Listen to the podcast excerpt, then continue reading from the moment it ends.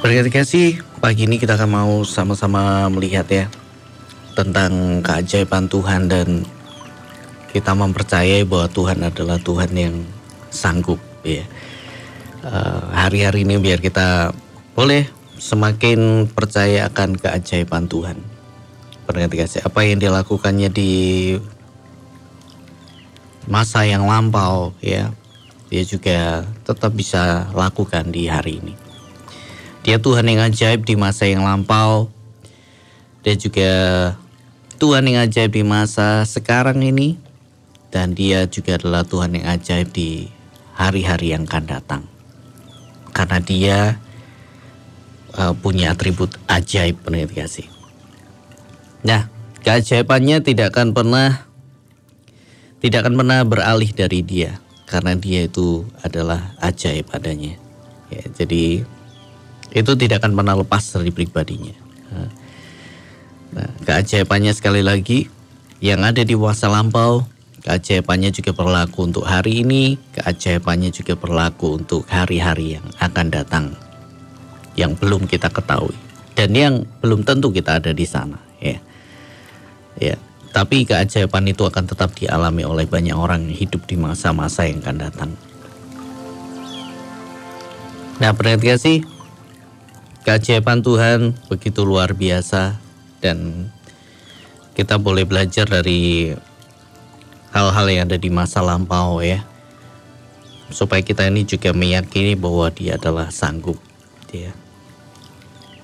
Di dalam Mazmur pasal 78 di situ ada satu perikop tentang pelajaran dari sejarah. Nyanyian pengajaran Asaf ya. Di sana diceritakan banyak hal berarti kasih ya. Bagaimana sih keajaiban Tuhan itu? Keajaiban Tuhan adalah dia sanggup melakukan hal-hal yang mustahil untuk dilakukan ya.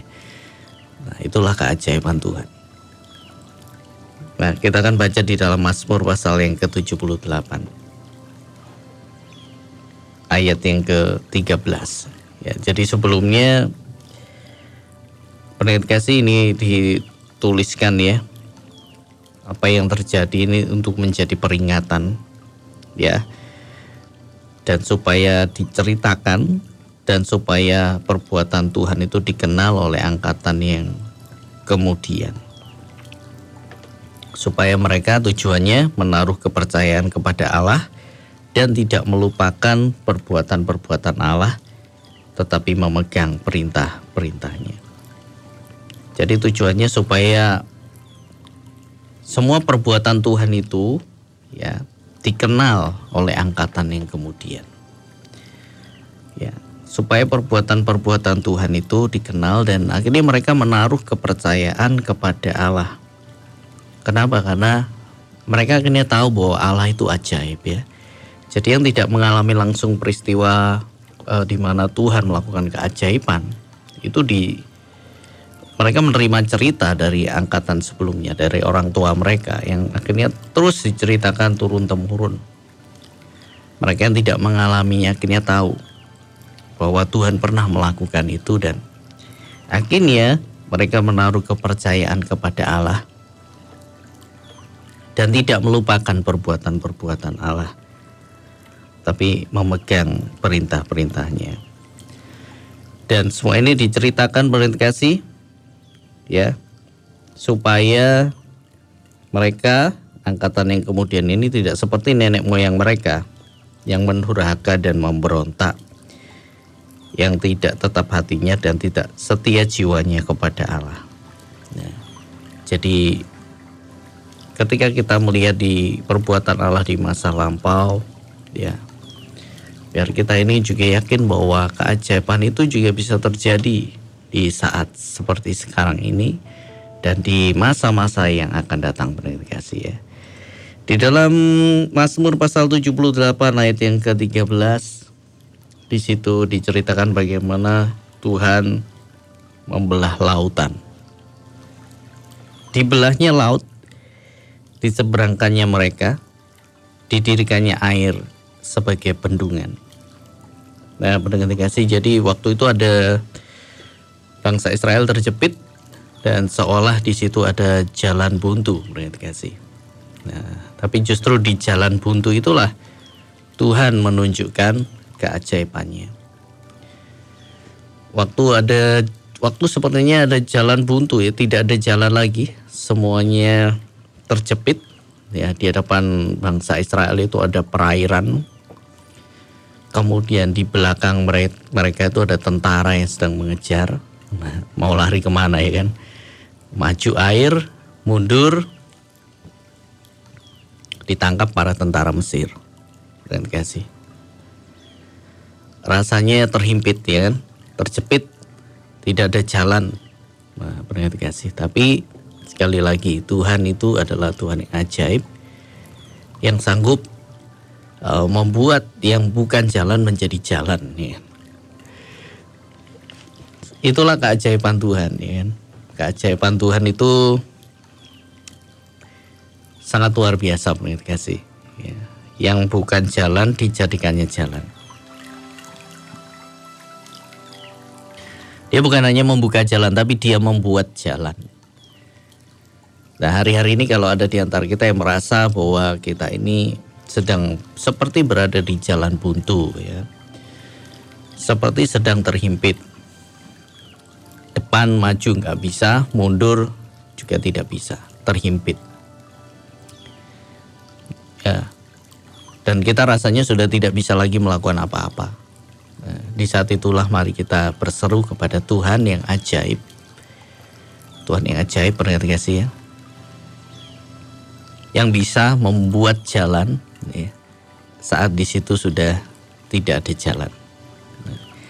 Dan pada kenyataannya Tuhan sanggup membuat jalan itu, kasih, yaitu jalan itu ada di depan mereka. Ya. Jadi meninggalkan Mesir, tatapan mereka harus tetap ke depan ya, tidak menoleh ke belakang. Nah, kasih, perjalanan mereka adalah ke depan, bukan ke belakang. Jadi jalan yang Tuhan buat adalah jalan untuk melanjutkan perjalanan ke depan. Bukan jalan ke belakang, bukan jalan ke bawah, ya, tapi jalan ke depan. Karena masa depan selalu ada di depan. Karena itu saya kita mari kita bergerak ke depan kasih. Ya, bergerak ke depan. Nah, jangan menoleh ke belakang uh, kepada masa lalu kita ya. Dulu mungkin kita pernah uh, di masa lalu terlibat dengan hal-hal yang lain yang bukan dari Tuhan ya kan? Uh, sesuatu yang bisa menolong selain Tuhan. Nah kita mau tinggalkan semua itu. Dalam keadaan terjepit jangan tergoda untuk kembali kepada ya kembali kepada cara kita yang lama ya cara kehidupan kita yang lama. Tapi mari kita menatap ke depan ya. Misalkan dulu perampok, sekarang sudah bertobat nih, ya, jadi pengusaha, ya akhirnya hari-hari ini kelihatan sulit ya. E, bisa saja ada godaan untuk kembali merampok seperti dulu. Nah, bisa jadi iblis mulai membisikkan, tapi kita yang sudah bertobat tetap pegang ya janji Tuhan ya, keajaibannya tetap berlaku ya. bahwa dia sanggup membuat jalan jalan berkat untuk bisnis yang sedang dijalankan kasih ya. atau dulu kita terlibat dengan kuasa gelap kok rasanya gampang sekali ya uh, rasanya ketika ada sesuatu yang sulit uh, datang ke kuasa-kuasa seperti itu kok rasanya lancar begitu ya ada banyak godaan seperti itu, tapi kita yang sudah bertobat dan sudah mengarahkan mata kita ke depan, berbalik ya. Mesir di belakang kita. Janji Tuhan ada di depan kita. Mari kita terus menatap ke depan. Dan di depan kita lah pendengar kasih di jalan yang Tuhan pimpinlah Tuhan membuka jalan itu. Tuhan membuat jalan itu ya. Dan laut atau perairan luas yang sedang ada di depan mereka ya itu dibelah oleh Tuhan. Air dijadikannya seperti bendungan sebagai bendungan dan diseberangkannya mereka. Nah inilah keajaiban Tuhan yang sangat luar biasa di awal mereka mengikut Tuhan berarti kasih. Ketika mereka menemukan jalan buntu hal yang luar biasa terjadi ya. Sebelumnya ada keajaiban yang Tuhan perbuat ya. Berbagai macam tulah melanda Mesir ya. Menunjukkan bagaimana berkuasanya Tuhan. Nah lanjut lagi. Mazmur 78 ayat yang ke 14 Dituntunnya mereka dengan awan pada waktu siang dan semalam suntuk dengan terang api. Lihat kasih ya. Dituntunnya mereka dengan awan pada waktu siang dan semalam suntuk dengan terang api. Kenapa ada tiang awan dan tiang api? Karena Tuhan memimpin bangsa ini melewati padang gurun. Dan padang gurun ini terkenal kalau siang akan sangat panas, kalau malam akan terasa sangat dingin. Jadi cuacanya benar-benar berbeda ekstrim ya. Oh, sangat panas, kalau malam sangat dingin. Perhatikan Nah, Tuhan kembali menunjukkan keajaibannya perhatikan. Kenapa eh, padang gurun ini bisa menjadi sangat panas? Karena di padang gurun ini ada banyak pasir dan batu, ya kan kalau pasir dan batu ini terkena sinar matahari, pasir dan batu ini akan menyerap panas matahari itu. Ya, sehingga bisa menjadi sangat panas ya, karena pasir dan batu cepat menyerap panas lebih daripada air menyerap panas. Nah, ya. Jadi batu dan pasir ini akan lebih cepat panas daripada air. Ya, karena itu padang pasir, ya padang gurun akan terasa panas di siang hari. Sama seperti aspal jalanan kalau pas siang. Nah, kadang-kala saya melihat ada seperti uh, uap begitu ya. Keluar dari aspal itu. Coba saja jalan bertelanjang kaki di atas aspal pada waktu siang panas terik. ya pasti terasa sangat panas ya kan. Nah, aspal ini kan di dalamnya juga ada batu-batuannya ya kan. Nah, seperti itu. Kenapa padang gurun bisa menjadi sangat panas karena banyak batu dan pasirnya. Dan itu waktu panas akan menyerap panas dengan sangat cepat. Kalau Anda bertelanjang kaki ya sangat terasa bagaimana rasanya. Nah, pada ketika sih bagaimana dengan keadaan yang seperti ini? Kalau siang panas, kalau malam tuh ingin sekali, ya dingin. Nah, tentu kalau mau buat api unggun di waktu malam butuh berapa banyak kayu ya ini bangsa yang besar. Berapa banyak butuh kayu bakar.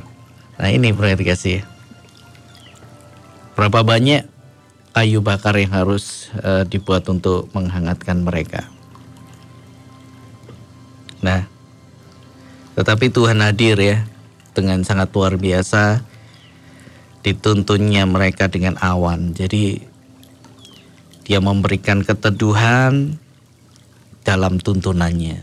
Jadi sembari dia menuntun, dia memperhatikan. Dia tidak hanya sekedar menuntun, tapi dia juga memperhatikan keadaan mereka yang dituntunnya. Itulah Tuhan. Hari-hari ini pernah kasih Tuhan menuntun saudara dan saya. Dan Tuhan tidak hanya sekedar menuntun, tapi dia juga mempedulikan keadaan kita yang sedang dituntunnya. Ya. Dia memperhatikan keadaan kita yang sedang dituntunnya. Dia tidak berkata, ayo ikut aku. Eh? Entah bagaimana keadaan kita dia tidak peduli. Dia tidak seperti itu menurut kasih. Dia menuntun sembari memperhatikan kita. Ya dia tudungi pada waktu siang dengan tiang awan. Supaya apa? Supaya sejuk ya. Supaya tidak terkena sengatan yang sangat terik dari matahari. Nah, dituntunnya sambil diberikan sesuatu yang indah, berarti kasih ya. Itulah Tuhan. Dan pada waktu malam, semalam suntuk. Jadi kalau api unggun kan ya terbatas ya untuk menghangatkan. Ada waktunya api unggun itu pertama berkobar, begitu luar biasa. Tapi ada waktunya api unggun itu juga mati, padam ya. Dikasih ya, padam. Terbatas api unggun. Ya. Untuk menghangatkan. Tetapi di sini dituliskan bahwa semalam suntuk Tuhan menghadirkan ya terang api. Ya terang api. Sekaligus menerangi menghalau binatang buas juga memberi kehangatan bagi orang-orang yang dituntunnya itulah Tuhan berdengar kasih nah, dalam keadaan sangat panas atau sangat dingin Tuhan selalu hadir memberikan sesuatu yang kita perlukan kalau kita kepanasan, Tuhan tahu bahwa kita butuh keteduhan. Kalau kita kedinginan, Tuhan tahu kita butuh kehangatan. Dan Tuhan sediakan itu. Hari-hari ini benar kasih ya apa yang sedang kita alami. Ya situasi yang berubah-ubah ya kan. Tuhan tahu apa yang kita butuhkan. Dan Tuhan yang sedang menuntun kita itu juga memperhatikan keadaan saudara dan saya yang sedang dituntunnya.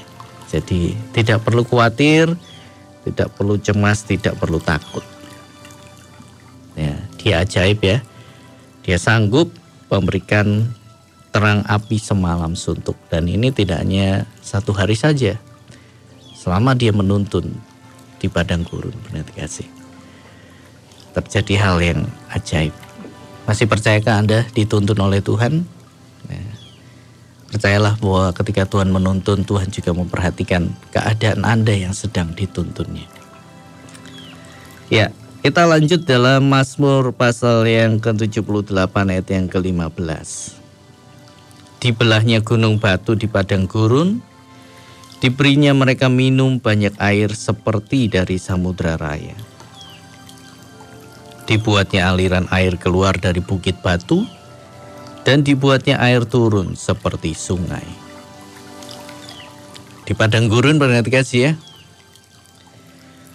ketika mereka kehausan, ya, Tuhan ini tahu ya, tanpa mereka bersungut-sungut pun ya, Tuhan itu tahu mereka butuh minum. Sekali lagi Tuhan yang menuntun adalah Tuhan yang juga memperhatikan keadaan mereka yang dituntun.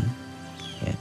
Seringkali karena sudah kehausan dan tidak juga menemukan sumber air, ya akhirnya timbul persungutan. Padahal Tuhan tahu dan Tuhan siap menyediakan air. Dan Tuhan sudah mempersiapkan itu kasih. Sekali lagi di sini kita bisa melihat keajaiban Tuhan di tengah situasi yang tampaknya mustahil, ya. kasih kalau bukan Tuhan yang menuntun sudah mati semua bangsa ini saya percaya ya mati kepanasan, ada yang mati kedinginan, ada yang mati kehausan, benar kasih ya. Tapi karena Tuhan yang menuntun, mereka ini hidup, kasih ya. Bahkan di ayat-ayat yang lain, kasut mereka tidak rusak, luar biasa. Kasut dipakai jalan di padang gurun tidak rusak. Itu karena Tuhan yang menuntun.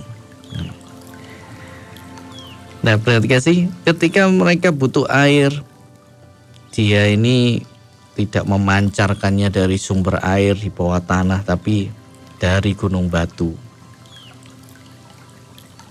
dari bukit batu.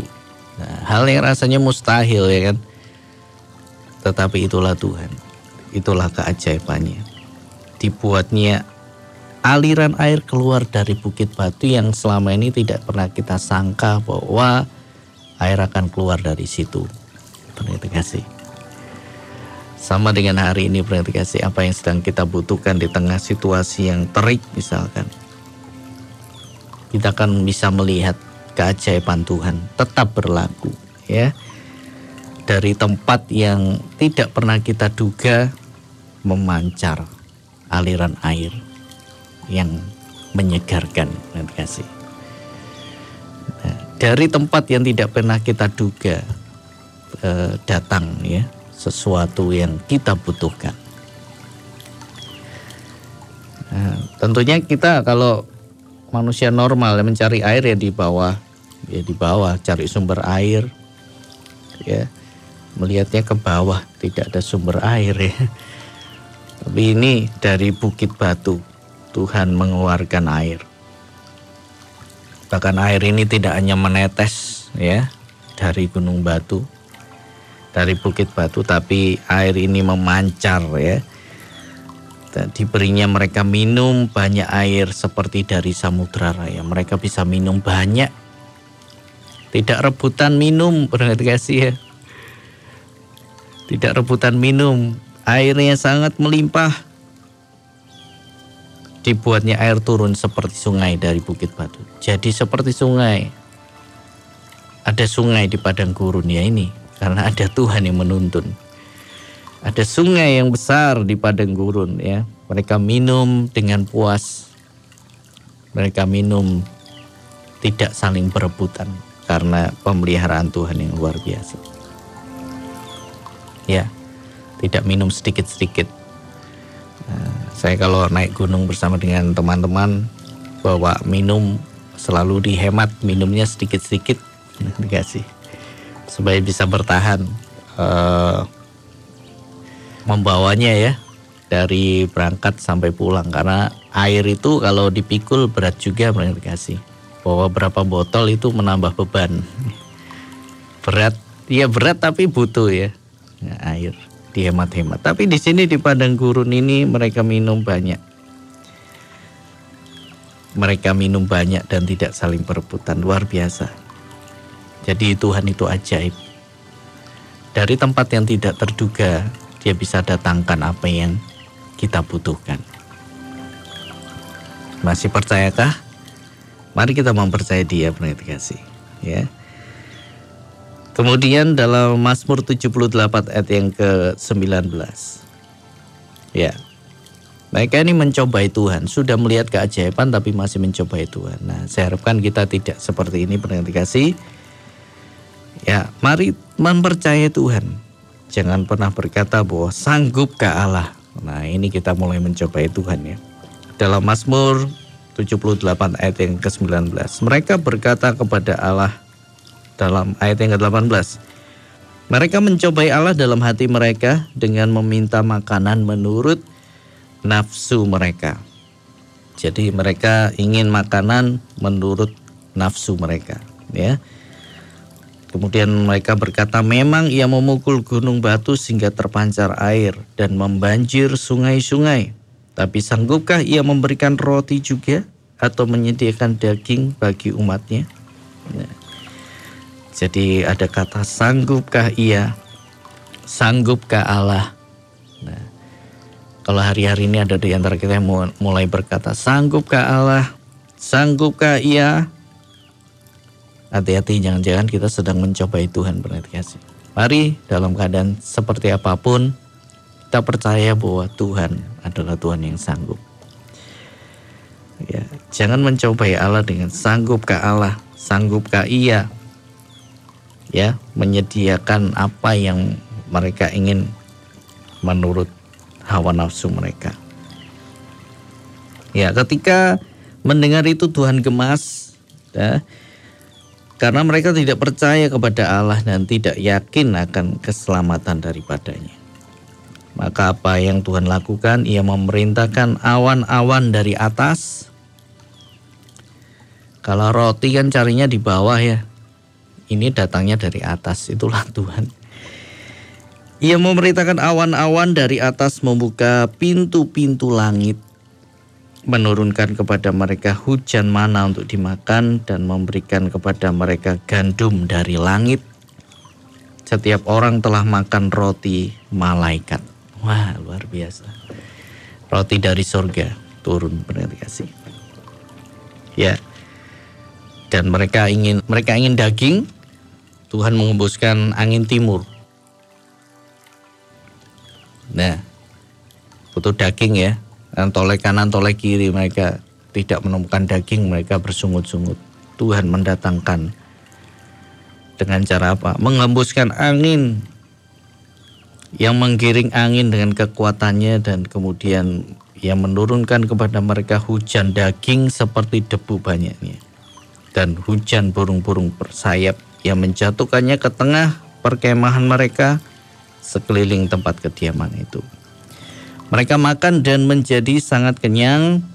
Ia memberikan kepada mereka apa yang mereka inginkan, tapi mereka belum merasa puas. Di sinilah Tuhan murka sedang makanan masih ada di mulut mereka, bangkitlah murka Allah sehingga banyak yang tewas.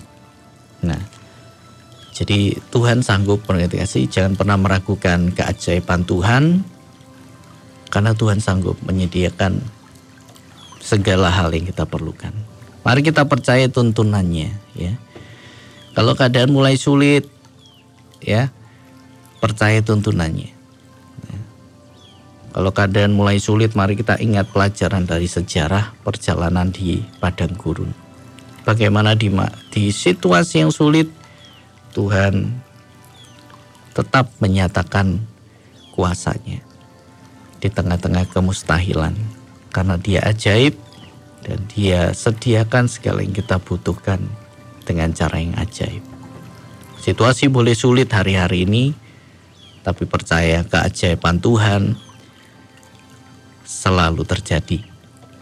Nah, keadaan boleh sulit, tetapi bersama dengan Tuhan tidak ada yang sulit. Ya. kasih. Bersama dengan Tuhan selalu ada jalan. Bersama dengan Tuhan selalu ada berkat. Bersama dengan Tuhan selalu ada keajaiban.